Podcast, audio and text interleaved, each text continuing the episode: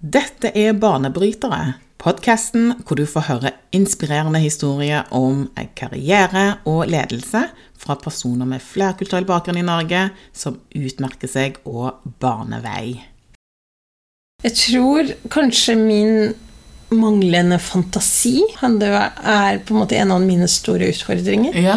Altså I veldig mange år så har jeg tenkt at uh, jeg har liksom Folk har fortalt at nå, du er politiker og du kan komme på Stortinget og bla-di-bla. Så har jeg vært sånn avfeid det veldig, fordi ja. det var ikke noe for meg. Jeg uh, var ikke god nok. Jeg så meg på en måte ikke den derre uh, The ability of imagination.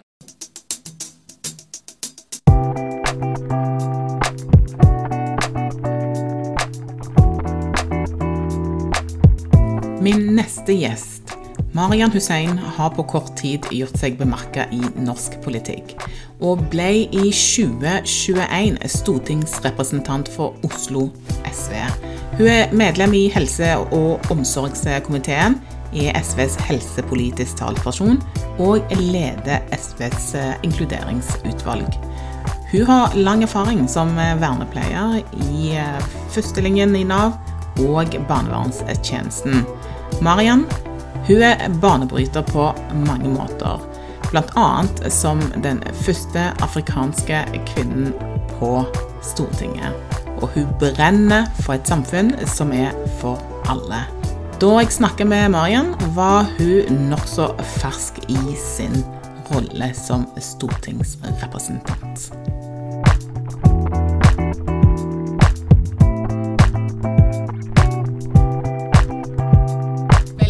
Velkommen, Mariann, til Banebrytere. Tusen takk, Claudia. Veldig veldig kjekt å ha prat med deg i dag. Takk for at jeg fikk være med, og for at du kunne komme. Tusen ja, takk. Ja, jeg må si det er veldig kult å gjøre dette opptaket her på Stortinget. Det er veldig gøy. Og inn på det nye, fete kontoret ditt.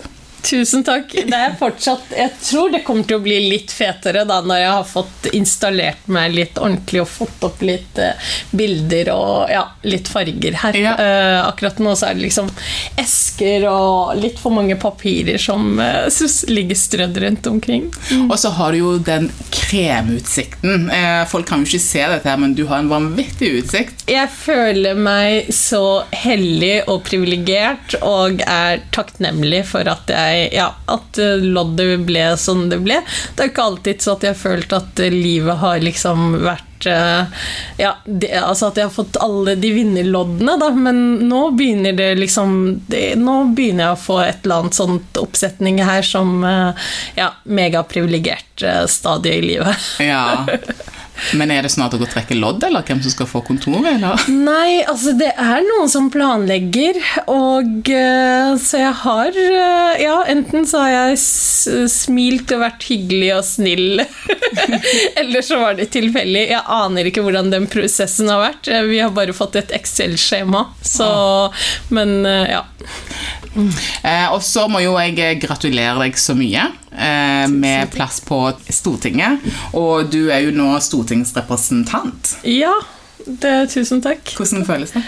Du, det er fortsatt litt sånn overveldende å tenke på at jeg er stortingsrepresentant. Eh, jeg står opp veldig mange morgener og tenker sånn Jeg er en vanlig sosialarbeider, og så bare sånn Oh shit, du er stortingsrepresentant, og nå må du komme deg opp og endre verden. Ja. Så det er på en måte en sånn motor nå som er eh, veldig klar for å være med å endre landet til å, å gjøre verden og Norge til en mer mer rettferdig sted da, for ja. Eh, de mange. Det er et veldig spennende kapittel du er inne i nå. Det er det. Eh, og overveldende med, sånt, med tanke på hvor, hvor, stort ansvar og mandat vi har fra velgerne. Sånn at det å på en måte ja, gjøre seg den tilliten verdig eh, Veldig mange som møter på banen eller på gata som er sånn nå har jeg stemt på deg og dere, så nå må dere gjøre en forskjell. Så det mm, treffer veldig. Så da, man, da har man ikke tid til å sove, for å si det sånn. Ja, Sover du godt om netten, eller? Eh, jeg slukner, så ja. ja. Sover. det er et godt tegn. sover veldig godt og står opp også innmari tidlig for å stå på. Ja. Mm. Men har du kommet deg godt i gang i eh, den nye rollen? Ja. Akkurat nå så er det, har jeg vært gjennom en reise. Jeg kan mer enn det jeg kunne for en måned siden. Ja. Men jeg veit også at jeg skal lære meg mer enn det jeg kan ja. nå. Så det blir en Det er en sånn bratt læringskurve her. Um, og man må ta avgjørelser uh, ganske raskt. Man får veldig gode råd. Vi har veldig mange gode rådgivere.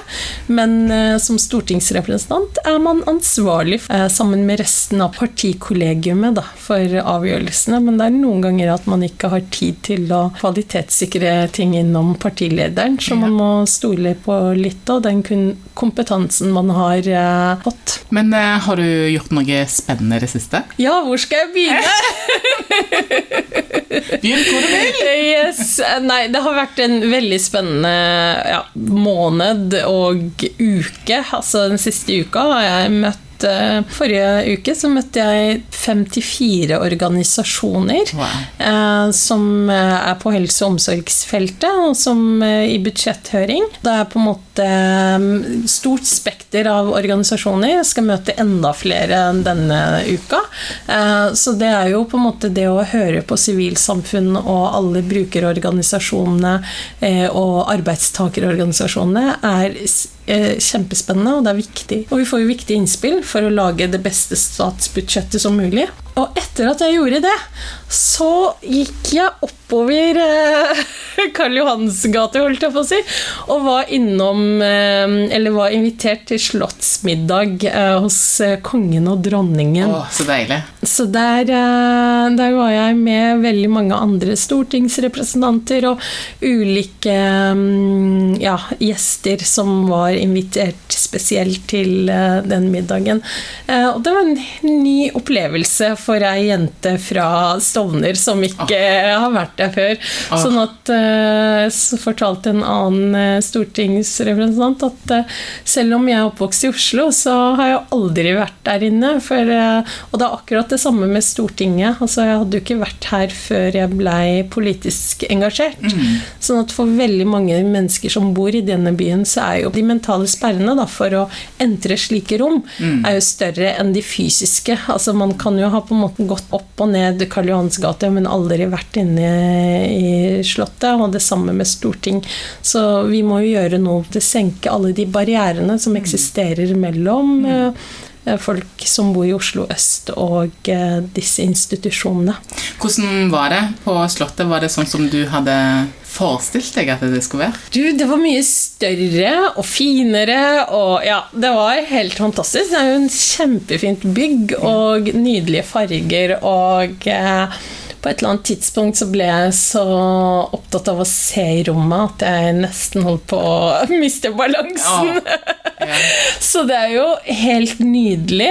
Og vi er jo heldige med en morsom konge og ja, en veldig imøtekommende dronning som vi fikk eh, utvekslet noen ord med. Så, så vi, vi, er heldige med Når vi først skal ha et monarki i Norge, så er vi heldige med kongeparet vårt. Så det var veldig hyggelig. Mm. Veldig morsomt bord. Yeah. Eh, og latteren satt løst. Det så det stemning. var veldig, veldig god stemning.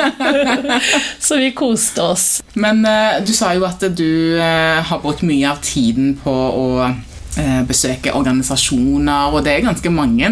Hva er den generelle stemningen rundt deg? Du, jeg opplever jo veldig mye god positive tilbakemeldinger. Eh, veldig mange som har en forhåpning til at vi faktisk skal få endret Eh, retningen i Norge og verden. Mm. Det skal være mer inkludering, at det skal være mer rettferdig fordeling. At noen få ikke skal stikke av med de store mm. pengene. At vi skal klare å gi ungdommer og mennesker håp og, og muligheter. Sånn at jeg opplever jo at det er kjempegod stemning. Og så er det jo et stort, ja, store forventninger til at vi skal også levere på lovnadene. Vi skal jobbe hardt for å klare å levere på de forventningene til oss. Føler du at du har eh, et ekstra ansvar eller press på å prestere, eller? Jeg opplever jo at um, altså veldig mange av de jeg har snakket med, forteller jo at sant, de har kanskje ikke stemt før, mm. men de har stemt på meg. Mm. De tror kanskje egentlig ikke på politikk, men de tror på meg. Ja. Og da, når folk sier sånne ting til meg, så føler jeg på et ekstra ansvar. Ja. Jeg føler på at jeg må vise at politikk nytter. At mm. det betyr noe hvem som sitter der. At det betyr noe for Sånn at ja, jeg føler på et litt sånn ekstra ansvar, og, et, eh, og kanskje har jeg et ekstra gir mm. som jeg ønsker å på en måte gi etter hvert. Mm. Uh, så, og for at de folka skal stemme igjen, da, uh, og ha trua på demokratiet. Altså, jeg bare sitter og tenker at når man er folk folkevalgt, også med alle de forventningene som følger med det, mm. så tenker jeg hvordan er det man forbereder seg sjøl til å kunne levere på det? Mm. Og hva gjør man hvis man ikke får det til? Jeg veit ikke ennå hvordan man gjør. Men man må jo operasjonalisere på, måte, på ulike måter hva er det som er realistisk, og så må man drive med en eller annen form for forventningsstyring, fordi Roma ble ikke bygd på en dag. Mm. Men føler du at du får litt ekstra øyne på deg nå fra f.eks. Eh, østkanten, altså fra Stovner, der du er ifra? Mm. Jo, jeg opplever jo det, i hvert fall. Jeg får en god del tilbakemeldinger. Og jeg syns jo det er veldig hyggelig at de, de, på en måte viser at ok, nå følger vi med. Nå har vi stemt, og nå har vi forventninger. Eh, for det er noe med på en måte Det er en sånn balansesjekk, da. Mm. Eh, ikke sant? Eh, og, og, og jeg syns at det er veldig viktig at de ikke glemmer meg, og så kommer jeg om fire år, og yeah. de har ikke fulgt med. Ikke sant? Fordi yeah. det er jo lettere å få tilbakemeldinger og løypemeldinger hvis de ser at oi, nå tok hun helt feil retning yeah. enn det vi forventa. Ja. Så jeg håper jo at eh, folk engasjerer seg på det viset da, og gir tilbakemeldinger, for det er en form for å, å være opplyst om de demokratiske prosessene er også viktig. Mm. Men hvorfor valgte du politikken? For du er jo vernepleier mm. Eh, og utdannet vernepleier, og så har du hatt eh, flere år med arbeidserfaring mm. i jeg kaller det virkelige verden. Jeg beklager at jeg sier det, men, men ja. ja. Men det er jo viktig. Ja. Selv om politikk ja. også er virkelig i verden. Men jeg skjønner hva du mener. Eh, jeg har jobba veldig mange år i førstelinjetjenesten, og for meg så var ikke politikk egentlig målet eh, å jobbe med. Altså jeg hadde en veldig sånn klar profesjonsvalg, eh, men så opplever man at politikerne kutter i budsjettet ute. Sånn at uh, plutselig så må boligen der en jobber, uh, spare inn penger, og man mister kollegaer. Mm. Eller at man får beskjed om at man ikke får kalle inn vikarer. Mm. Um, og det påvirker jo livet til de menneskene som bor i de boligene som vi skal yte tjenester til, for mm. det går jo utover kvaliteten og det arbeidet vi skal gjøre. Uh, man ser også at de interessene til de man skal forvalte, ikke blir ivaretatt av politikerne på en god nok måte. At de ikke nødvendigvis har en forståelse for å ivareta Jeg har jobbet veldig mye med psykisk utviklingshemmede. Mm. sånn at det gjorde jo at jeg blei frustrert, kan man mm. si. Eh, og, så, og, så, har jeg en innvandrerbakgrunn, og eh, jeg ble født uh, i en tid hvor uh, det skjedde veldig mange ting. Uh, Borgerkrigen i Somalia, veldig mange på flukt. Sånn at livet mitt har jo alltid også vært preget av og påvirket av de politiske prosessene mm. som har vært. så jeg har alltid vært politisk opplyst. Jeg, har, eh, jeg kommer fra en familie hvor man alltid så på nyhetene, hørte på BBC. Vi hadde hele tiden flere nyhetskilder mm. enn den eh, holdt jeg på å si, jevne nordmannen. Eh, og dermed så har man kanskje et sånt større engasjement også for verden utenfor Norges grenser. Og det gjorde at vi Altså, jeg har alltid stemt ved valg. Og når jeg begynte å forstå, eller jeg har en, jeg en venninne som ja, begynte å på en måte fortelle meg om hvor viktig det var å være medlem i et politisk parti og de ulike interne prosessene i, det, i SV, så uh, var jeg bare sånn Å ja, ok, så jeg kan være medlem. Mm. Uh, jeg kan påvirke hva Audun Lysbakken skal si og mene. Mm. Uh, ikke sant? Så den sjansen kunne man jo ikke la gå fra seg. Ja. Men jeg så jo for meg at jeg skulle være, jeg skulle være et vanlig medlem som mm. påvirket på en måte de ulike interne prosessene. Og i SV så er vi i dag 13 stortingsrepresentanter, men vi har jo 17 000 medlemmer bak oss. Mm. Så at de fleste medlemmer i SV er jo ikke synlige i, på Stortinget. Mm. Uh, men det man innser, er jo at ok, representasjon matters.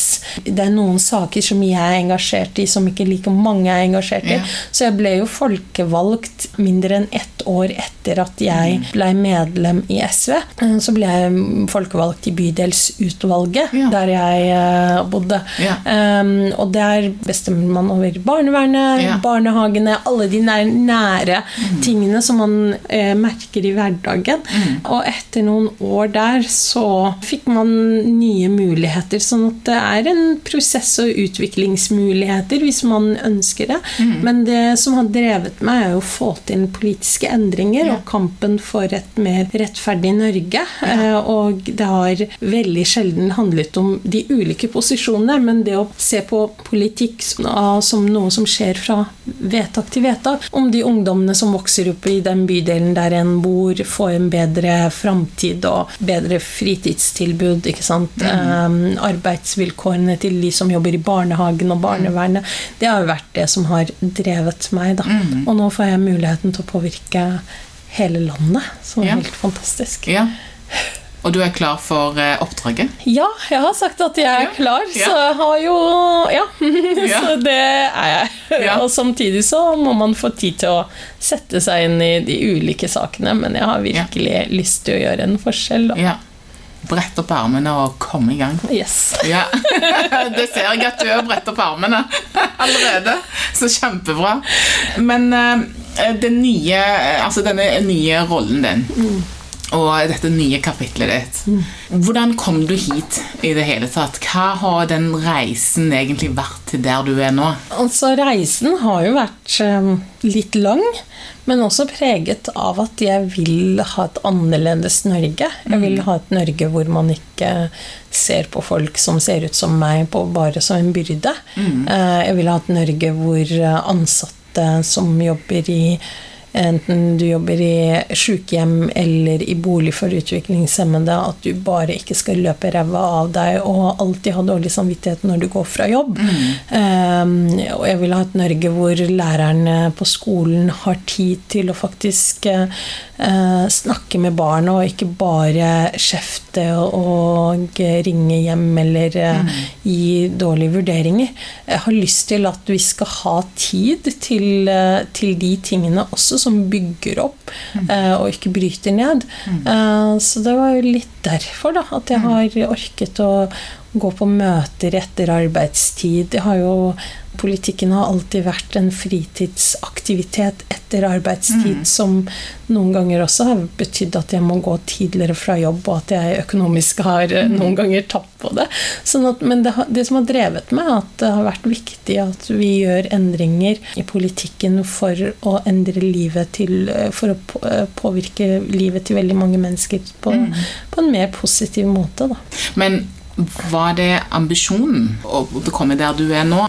Nei, det var det ikke. Det var, ambisjonen var å påvirke politikken, ikke bli, være en politiker sjøl. Mm. Eh, jeg skulle bare fortelle de andre hva som de burde hva de mene. yes, så jeg skulle bare være med å endre partiets politikk og jobbe gjennom de partiinterne prosessene. Da. Foreslå ting i ja, årsmøter og gjøre de der eh, småarbeidet. Eh, men så innser man etter hvert at eh, man må også være med eh, og ta en del av det dugnadsarbeidet. Da. Mm. Eh, og ve veldig mye av den er drevet av dugnadsarbeidere. Eh, så da må man være villig til å ta sin del. Så, og så får man tillit. Eh, noen som ser at ok, du duger til dette, mm. kan ikke du gjøre dette? Og så blir man litt sånn satt utover sånn Jeg? Jeg kan jo ikke dette. Men hvordan er det du, hvordan er du får tillit? Jeg fikk tillit fordi folk hadde møtt meg i noen møter, og så så de at, og så var det noen jeg kjente fra tidligere av, som hadde ja, andre foraer.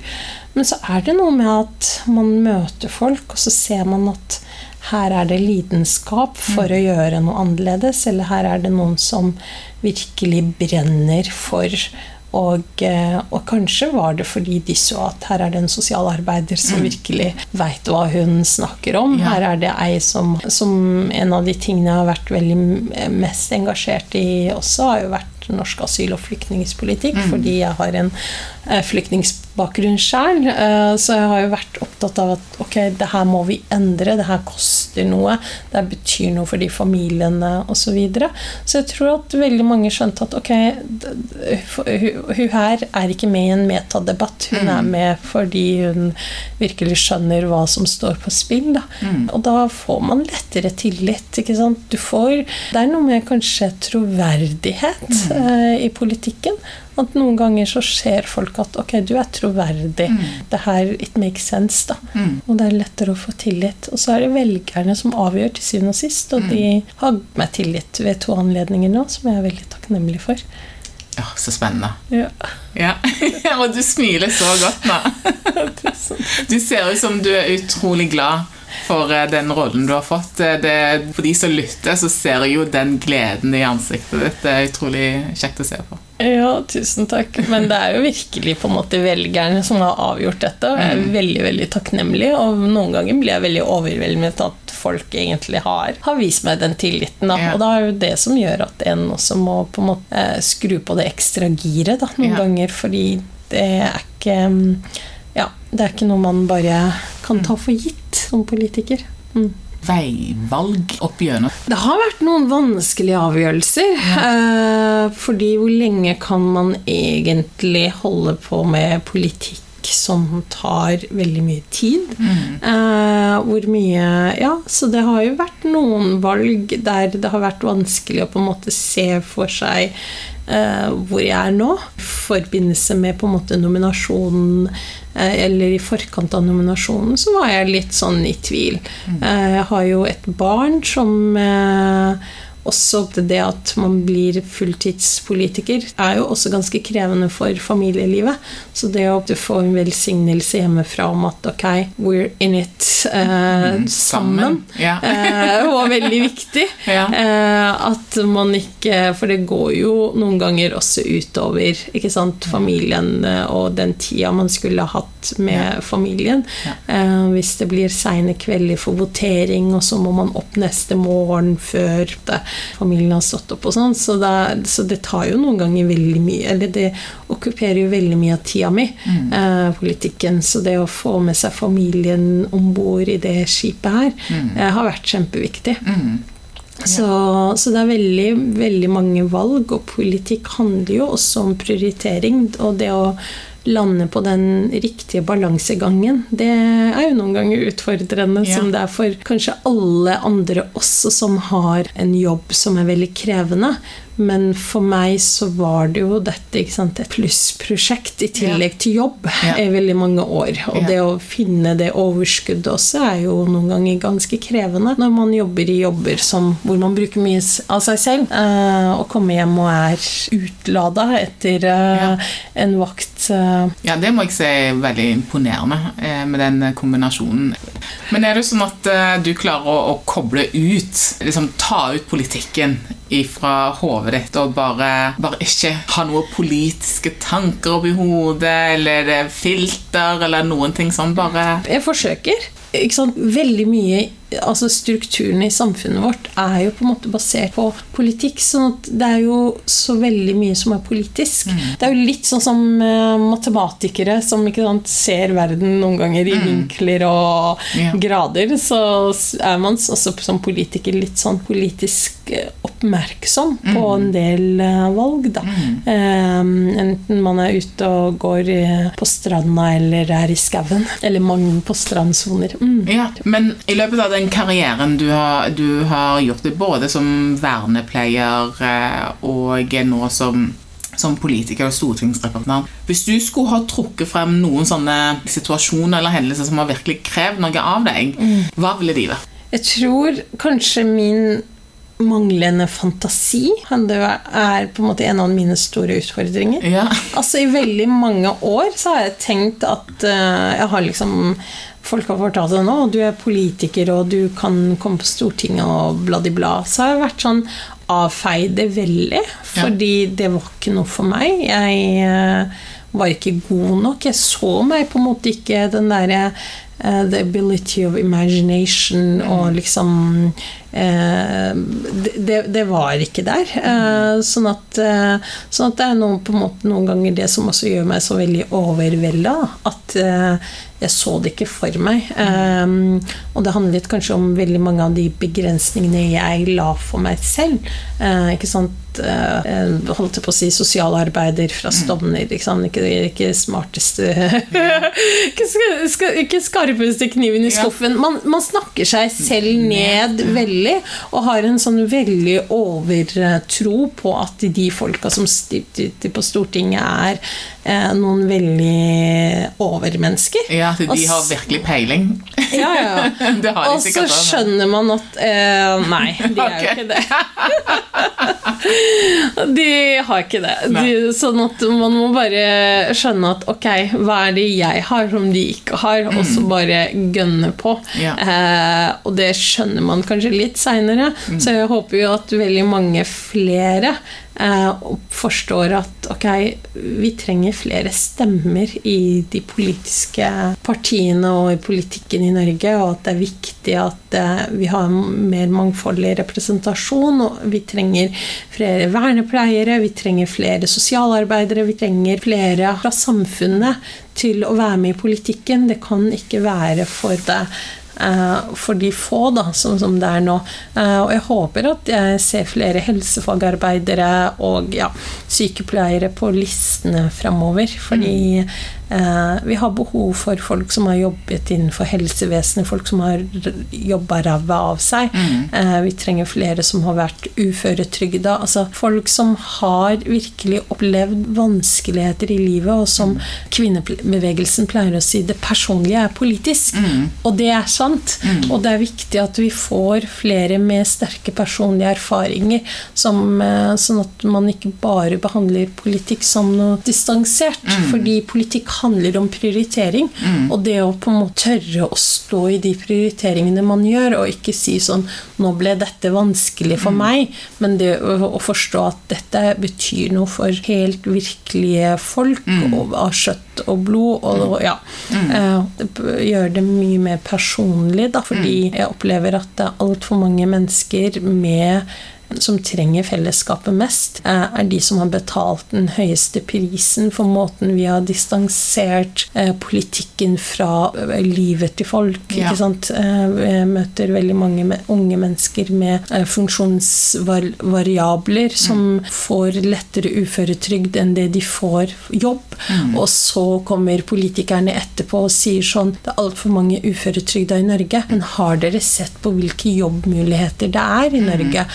Er det virkelig en vei inn til arbeidslivet for en ung person med funksjonsvariasjon, mm. eller er det bare sånn overstrebere som mm. får jobbene i mm. Norge i dag? ikke sant? Eh, og vi har altfor mange ja, arbeidsgivere som ikke vil være med å ta den kostnaden for å tilrettelegge for at en person som sitter i rullestol, kan fungere i den arbeidsplassen, og, mm. og velger heller en person som ligner på en selv. Mm. Så vi må gjøre noen endringer i hele måten politikere tenker på, men mm. også hvordan vi som et samfunn inkluderer. Da. Men hva er ambisjonene dine? Vil du bli statsminister? Eh, jeg pleier å si til unge mennesker at jeg er her og venter på at dere skal ta over. Eh, sånn at eh, jeg veit ikke om jeg eh, vil bli statsminister, men jeg veit at jeg vil være her, sånn at eh, flere unge mennesker fra Oslo øst og Norge med mangfoldig bakgrunn skal tenke at politikk er noe for dem, og kanskje de kan være den første statsministeren. Hvorfor vil ikke du sikte på det, da? Altså, jeg ser for meg selv kanskje som en sånn uh, the first til å åpne en del dører, men eh, altså det er, Jeg tror vel ikke SV har hatt noen statsministre tidligere. sånn at eh, det prosjektet der eh, ta, ligger jo veldig langt fram i tid, da. Men med bedre oppslutning, så kanskje. Eh, nå er jo Arbeiderpartiet på vei ned, og vi har vært på vei opp, så kanskje om to valg, da. Ja, ja.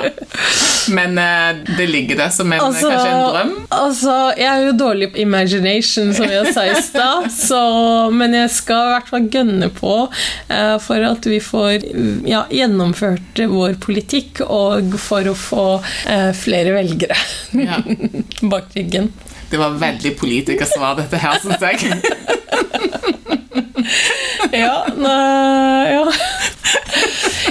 Kanskje, kanskje man, uh, never, Ja, aldri si aldri, er ikke det en sånn uh, Aldri si aldri. Yes. Ja. Men det er én ting som jeg eh, hadde lyst til å, å spørre deg, og jeg må jo bare spørre Mariann. Det er et bilde av deg og han eh, Christian Tybring-Gjedde, yes. og den har gått viralt. Ja. Og den, altså, den eksploderte jo på sosiale medier, og det er jo blitt en eh, meme eh, nå. Men du vet hva bildet jeg snakker om? Yes. Hvor dere har blitt satt ved siden av hverandre. Ja. Veldig tett òg. Ja. Og dere skal sitte sammen sånn Yes. de fire neste årene. Yes. Og vi vet jo at Kristian ikke har vært så positiv til en del ting. eh, Mm. Hva tenker du om det? Altså mm, Det er jo litt sånn Verden er skrudd litt rart sammen noen ganger. Så jeg fant jo ut at jeg skulle sitte der jeg skulle sitte. En halvtime før jeg skulle ut i salen. Det var første gang vi skulle inn i salen. Vi var nyvalgte og ja, satt i et annet kontor som var sånn midlertidig, og alt var sånn litt nytt. Og så sjekker jeg liksom salkartet, som er en sånn eh, nettløsning vi har, på hvor jeg skal sitte. Eh, Eller en eh, kollega av meg, en annen stortingsrepresentant, driver og sjekker hvor han skal sitte. Så sier jeg 'Å, kan ikke du sjekke hvor jeg skal sitte?' Å. Og så sier han 'der og der'. Og så sier jeg 'Å, ved siden av hvem?' Og så sier han Kristian Christian Tybring-Gjedde «Å, jeg bare, 'Nei, du tuller'. Han bare 'Nei, nei, du skal sitte der, og til høyre for deg så er det en annen stortingsrepresentant som skal sitte Nei, til venstre'. Og da tenkte jeg bare sånn Ok. Er det mulighet for å liksom Bytte? bytte? Bytte stoler? bytte plass? Så spør jeg en annen eh, litt mer eh, Ja, eh, i en chatgruppe, og så får jeg beskjed Nei, det er sånn dere har blitt valgt inn, så sånn skal dere sitte. Yeah. Så da blei det sånn, da, at velgerne i Oslo Ja. ville ha det sånn. Nei, er det sant? Yes, så det er jo på en eh, Altså, man sitter jo etter eh, de stemmetallene man har fått. Eh, og det er en egen på en måte en sånn beregningsmåte, og, ja, og antall stemmer har faktisk eh, bestemt dette, da. Eh, at eh, jeg skal sitte der jeg sitter. Og sånn skal vi sitte ja, fire år. Eh, eh, og hvis ikke Kristian er her, så er det hans vara jeg skal sitte ved siden av. Men eh, SV og Frp skal alltid sitte ved siden av hverandre. Wow! Yes. Utrolig morsomt. Det var bare Det ansiktsuttrykket på både deg og på han, det er sånn Kodak moment. Han var jo sjokkert. For jeg, um, jeg har forstått det slik for en annen stortingsrepresentant at han trodde han skulle sitte ved siden av henne. Eh, så det kan jo hende Han var jo sjokkert idet dette ble tatt. Uh, mens jeg hadde på en måte en halvtimes uh, Ja, ja. forberedelse til dette. Ja, du så jo på han at han var sjokka Eh, ja. på det bildet. Idet jeg satte meg ned, så så jeg at han var sjokkert. Ja. Oh my god, awkward. Så det var Ja, den første dagen var litt awkward, og så har vi klart å ikke sant, eh, snakke, småsnakke litt sammen. Okay. Sånn, og, ja. um, men sånn er det jo. ikke sant? Ja. Vi velger jo ikke hvem våre kollegaer skal være. Nei. Eh, det er de som er arbeidsgiverne våre som bestemmer eh, hvem vi skal jobbe sammen med, og så må man jo jobbe med det i det teamet man har fått utdelt. Mm. Og jeg og Kristian, vi har velgerne, våre arbeidsgivere, Mm. og det var det de på en måte ønsket, velgerne i Oslo altså. Så de må vi bare respektere. Ja. Så dette er jo òg en mulighet til å komme litt innpå Altså, Christian har nå en mulighet til å lære seg å kjenne en kvinne med hijab som ikke er redd for å si hva hun mener. Eh, og da kan han la være å snakke med 15-åringer og på en måte, ja tilby de penger, men eh, heller kanskje debattere. Mm. Og så håper jeg jo at vi debatterer andre ting enn bare hijab Ja. eh, også. Men, eh, men man har jo debattert kvinner eh, i mange år i Stortinget uten at kvinner var her. Og nå har man debattert eh, veldig mange år kvinner med hijab uten at det var en kvinne med hijab i Stortinget. Så nå får jo Ja. Nå får de i hvert fall en kvinne med hijab til stede, og så får vi se hvordan eh, en del av de andre håndterer det. Ja. Og det er jo veldig mm, viktig med representasjon, fordi eh, det var jo veldig eh, mange grupper eh, som har jobbet for rettigheter, som har sagt ikke sant, eh, at man ikke Ingenting om oss uten oss. Mm. og sånn har det jo vært veldig mange år for Ja. minoritetskvinner. Ja. Det har vært altfor lav representasjon av minoritetskvinner, og nå har man fått en boost eh, med flere minoritetskvinner inn på Stortinget. Eh, vi er veldig mange med veldig mange ulike bakgrunner. Og det har vært veldig mye eh, Holdt på å si det har vært mye oppmerksomhet rundt meg fordi jeg er en kvinne, første kvinne med hijab. Men det som kanskje har vært underkommunisert, vil jeg si at jeg er den første person av afrikansk opprinnelse som er stortingsrepresentant på fast plass. Og det å tenke at så mange mennesker med afrikansk bakgrunn i Norge ikke har vært representert, mm. syns jeg også er på en måte problematisk. Da. Sånn at eh, flere burde på en måte notere seg at mm. der bør vi også gjøre en endring. og det er eh, meg bekjent altfor få personer av afrikansk opprinnelse som er aktive i norsk politikk også, sånn overall. Og det må vi få gjort noe med. Ja, Og det skal du prøve å få til også. Du skal i hvert fall bidra til det. Jeg skal bidra. Jeg Ja. skal bidra Og så eh, rekrutterer jeg stadig vekk. Så hvis det er noen som hører på den podkasten og er litt interessert i eh, politikk, ta gjerne kontakt. Ja, ja. Men eh, ehm, altså, før jeg skulle møte deg, så, så gjorde jeg jo litt research. Og jeg må jo si at uh, noe av det som jeg fant på, på nettet jeg, jeg, altså, altså, jeg får jo magesår av å lese det. Hvordan er det for deg? Uh, hvordan er det du ruster deg sjøl til å kunne håndtere mye av det hatet som folk spyr ut? Altså, eh, Hvordan klarer du dette her? Det er jo ganske krevende, eh, men samtidig, som jeg pleier å si, ikke sant Jeg er en kvinne som er i en privilegert posisjon. Eh, Jeg har et partiapparat rundt meg. De fleste kvinner med minoritetsbakgrunn eh, som har uttalt seg i Norge i media tidligere, og som har mottatt veldig mye hat, de har vært enkeltstående samfunnsdebattanter. Veldig mange kvinner i Norge som har muslimsk bakgrunn, som er den gruppa som lever mest hatkriminalitet. Det er i hvert fall en sånn oppadgående spiral eh, i det politiet melder om anmeldte hatkriminalitetsstatistikker. De er enkeltkvinner, altså som mammaen min, som kusinene mine, eh, på, nesten, ikke sant? Som er liksom helt vanlige kvinner som er på vei hjem fra jobb eller på vei til butikken eller i butikken, og som møter hatkriminalitet. Så jeg opplever jo veldig ofte at jeg er en sånn jeg er jo i en privilegert posisjon. Eh, samtidig så skal man jo ikke finne seg i alt, sånn at jeg sier jo på en måte ifra tilbake. Men samtidig så vil jeg jo si at det hatet jeg opplever, får jo Det skriver media om, det får oppmerksomhet, men det hatet veldig mange med minoritetsbakgrunn opplever, den rasismen som er i samfunnet vårt, det er jo veldig få andre som har mulighet til å si fra om. Mm. Så jeg tenker jo at det, at det synliggjør det hatet veldig mange andre opplever. Eller vi må inn, ikke innbille oss at det hatet ikke eksisterer, mm. og så må vi fatte de riktige tiltakene for å få ned det hatet. Mm. Og der har vi politikere også en viktig jobb, fordi det er jo også veldig ofte sånn at det er politikere som står bak en del av den mobiliseringen mot andre. Mm. ikke basert Så når vi politikere bruker vår posisjon til å spre misforståelser, til å spre konspirasjonsteorier, til å spre hat mot enkelte grupper, så øker jo hat, eh, hatmengden mot de gruppene. Mm. Og hvis vi velger forsoning, hvis vi velger antirasisme, så sprer det seg også. Mm. Sånn at vi må jo også hele tiden ansvarliggjøre mm. de ulike aktørene, enten det er politikere eller andre. Men det har jo dessverre de siste årene vært en del politikere som har virkelig mm. tatt uh, den uh, og spredd mye splittelse, da. Uh, og den splittelsen den er skadelig for samfunnet og samholdet vårt. Mm. Og det må vi få gjort noe med. Mm. Og det er du her for å bidra med?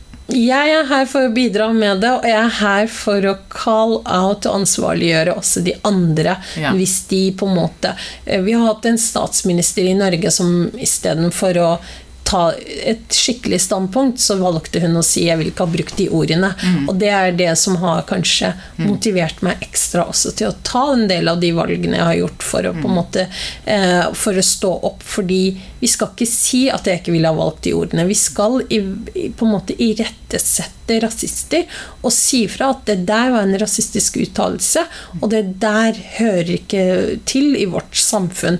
Eh, fordi hvis ikke vi ansvarliggjør, så gjør vi det på en måte greit å gå rundt og være rasist. Mm. Vi har hatt, en, vi har hatt et ja, eh, en regjering som har gitt statsstøtte til en rasistisk organisasjon. Det mm. syns jeg ikke de skal ha. De, de, skal ikke ha noe på statsbudsjettet å gjøre. Mm. Og, og, og, sånn er det på en måte flere sånne eh, tiltak da, som man mm. må gjøre noe med. Og så må vi jobbe i, på en måte hver dag i våre ulike på en måte, samfunn, enten det er på arbeidsplassen eller en skole eller en barnehage eller i nabolaget. ikke sant? Så må vi hele tiden jobbe holdningsskapende mot eh, diskriminerende atferd mm. og holdninger. Mm. Mariam, mm. tusen takk for praten. Takk skal du ha, Claudia. Jeg veldig, setter veldig pris på at du ville prate med meg. I like måte. Tusen takk.